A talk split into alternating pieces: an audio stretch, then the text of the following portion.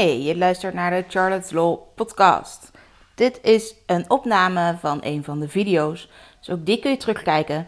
Elke dinsdag is er een nieuwe te vinden op YouTube. Charlotte, de social media jurist van Nederland. Waar ik het even met jullie over wil hebben vandaag is welke afbeeldingen je nu mag gebruiken voor je website, voor je blog, eh, om eventueel te laten zien in een video, dat soort zaken. Er zijn namelijk heel veel mensen die vaak facturen, schadevergoedingsclaims krijgen, bijvoorbeeld van Getty Images uh, of van fotografen um, of van Permission Machine. Nou, ik heb in een eerdere video al verteld wat je nou moet doen als je zo'n factuur of zo'n brief met een schadevergoedingsclaim krijgt. Het is allemaal leuk, dan weet je wat er als er mis is gegaan, wat je dan moet doen. Maar je wil natuurlijk voorkomen dat het überhaupt misgaat. Welke afbeeldingen mag je nou wel gebruiken? Eh, natuurlijk foto's of andere afbeeldingen die je zelf maakt. Simpel, toch? Nou, je mag ook bijvoorbeeld foto's embedden. Dat wil zeggen dat je het laat staan op ehm, de plaats op de website waar het laat staan. En dat je het met een beetje HTML-code toch kunt laten zien op je eigen blog. Dat werkt dus wel alleen maar met websites. Je kunt wel foto's bijvoorbeeld van Instagram of Pinterest ook via embedding laten zien op je eigen website. Werkt trouwens ook met filmpjes van YouTube. Daar is embedding misschien nog wel het meest bekend van. Nou, daarnaast mag je bijvoorbeeld foto's gebruiken met een Creative Commons licentie. Dat is een licentie waarbij mensen vooraf eigenlijk al toestemming geven om een afbeelding op een bepaalde manier te gebruiken. Waar je dan wel goed op moet letten is dat je de juiste licentie gebruikt. Er zijn bijvoorbeeld licenties waarbij je de foto alleen maar niet commercieel mag gebruiken. En is altijd een beetje de vraag: wanneer is nou je blog of video of Instagram account commercieel? Ja, daar is veel discussie over. Dus ik zou zeggen, als je wel eens iets uh, ter promotie plaatst of ergens wel eens betaald voor hebt gekregen of advertenties op je website hebt staan of bij YouTube advertenties mee laat lopen, gebruik dan die afbeeldingen niet. Kies dan altijd voor de afbeeldingen die je commercieel mag gebruiken. Daarnaast heb je ook altijd nog de, foto's die je wel mag bewerken en foto's die je niet mag bewerken. Ook daar moet je even goed op letten. Om het makkelijker te maken zou je kunnen kiezen voor de zogenaamde CC0 licenties. Die ken je misschien wel van sites als uh, Pexels, dus eigenlijk meer een soort zoekmachine, uh, en Unsplash, uh, Pixabay, dat soort websites. Die foto's die zijn gewoon, en andere afbeeldingen staan daar soms ook op trouwens. Die foto's kun je gewoon gratis gebruiken. Heb je geen toestemming voor nodig. Hoef je ook geen naamsvermelding bij te plaatsen. Nou, is natuurlijk altijd een beetje de vraag: is zo'n website betrouwbaar? Ja, dat is altijd een risico dat je dan maar moet nemen. Die foto's mag je dus wel gewoon bewerken en gebruiken. Die mag je natuurlijk alleen niet op dezelfde manier weer verkopen. je moet niet een database bouwen en zeggen: Nou, eh, voor 15 euro per maand mag je dan bij deze foto's. Dat, dat hoor je niet te doen.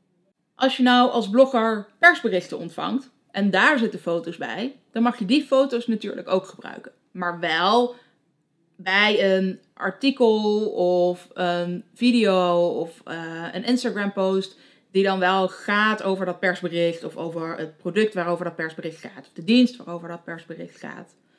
En je moet even opletten dat als de naam van de fotograaf in dat persbericht genoemd wordt, meestal helemaal onderaan, dat je dan eigenlijk ook de naam van die fotograaf wel moet noemen. Als je daar niet zeker over bent, bel dan gewoon even het PR-bureau waar dat persbericht vandaan komt. Dan heb je gewoon zekerheid en dan kunnen ze je later niet erop pakken dat je de naam van de fotograaf niet genoemd hebt. Maar in principe kun je ervan uitgaan als je een persbericht met een foto krijgt, dat je daar geen contact meer over hoeft op te nemen en dat je die gewoon kunt gebruiken, zolang dat maar een beetje is in combinatie met dat persbericht. Het is daarom ook vaak wel verstandig om dat persbericht en die foto te bewaren als je die gebruikt. Zodat mocht er over vijf jaar problemen ontstaan, je wel nog kunt laten zien, ja maar kijk, ik heb dat persbericht samen met die foto toen gewoon ontvangen. Ik heb het ook op die manier gebruikt, dus je kunt nu hier niet meer over klagen. Natuurlijk kun je ook gewoon altijd aan de maker van een afbeelding vragen of je die afbeelding mag gebruiken. Ook als je iets op social media tegenkomt, stuur gewoon even een berichtje, een DM'tje, zet het onder de post zelf. Joh, mag ik dit gebruiken? Mag ik het reposten op Instagram? Mag ik het op mijn website plaatsen? Wat je maar wil. Als je hem ook uh, wil bewerken of er ook maar iets aan wil veranderen, vraag dan ook wel even of dat oké is. Check ook meteen of die persoon graag naamsvermelding daarbij wil of niet. Soms staat de naam bijvoorbeeld al wel in een afbeelding en zeggen ze, joh, extra naamsvermelding is niet nodig. Maar ja, soms zeggen ze, nou je krijgt alleen maar toestemming als je ook een link naar mijn website erbij plaatst. Dat mag een maker gewoon vragen. Dat is namelijk degene die jouw toestemming mag geven voor het verveelvoudigen en openbaar maken van die afbeelding. En die daar dus ook voorwaarden aan mag stellen. normaal gesproken zou een voorwaarde bijvoorbeeld ook betaling kunnen zijn. Nou, dat kan best zijn dat je nu zegt, nee prima, mag gratis. Maar dan wel graag met mijn naam erbij of wel graag met een link naar mijn website erbij. Die toestemming krijg je vaak heel snel, dus gewoon doen. Ik wil wel nog een paar kanttekeningen plaatsen. Stel dat je nou foto's vindt met zo'n Creative Commons licentie. In principe mag zo'n licentie nooit meer ingetrokken worden. Je geeft die licentie aan zo'n afbeelding en die moet daar altijd op blijven rusten. Dat staat zo in de voorwaarden van Creative Commons. Probleem is alleen dat sommige mensen toch wel die licentie intrekken. En dan daarna opeens jou een brief sturen dat ze schadevergoeding willen, omdat jij die foto onrechtmatig gebruikt zou hebben. Ja, dat is dan natuurlijk niet waar.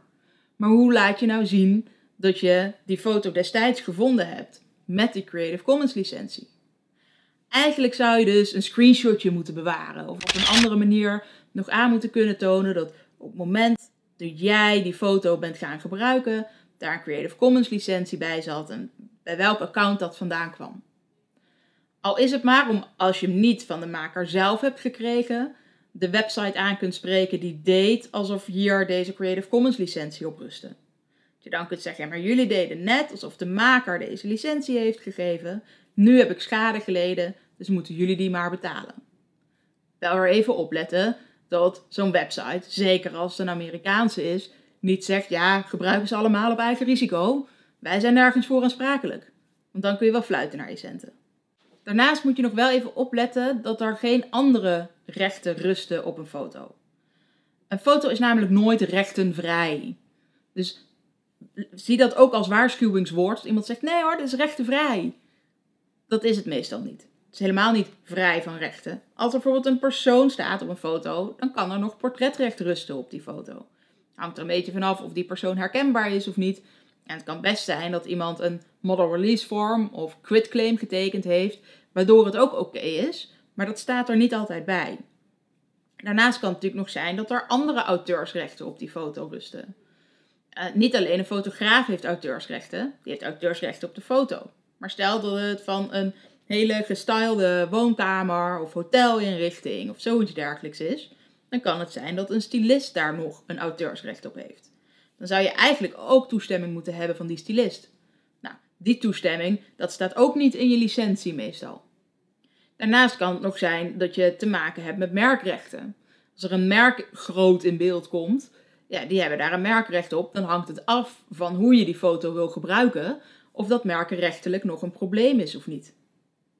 Dus let erop dat op een foto ook nog andere rechten, meestal ook van anderen, kunnen rusten.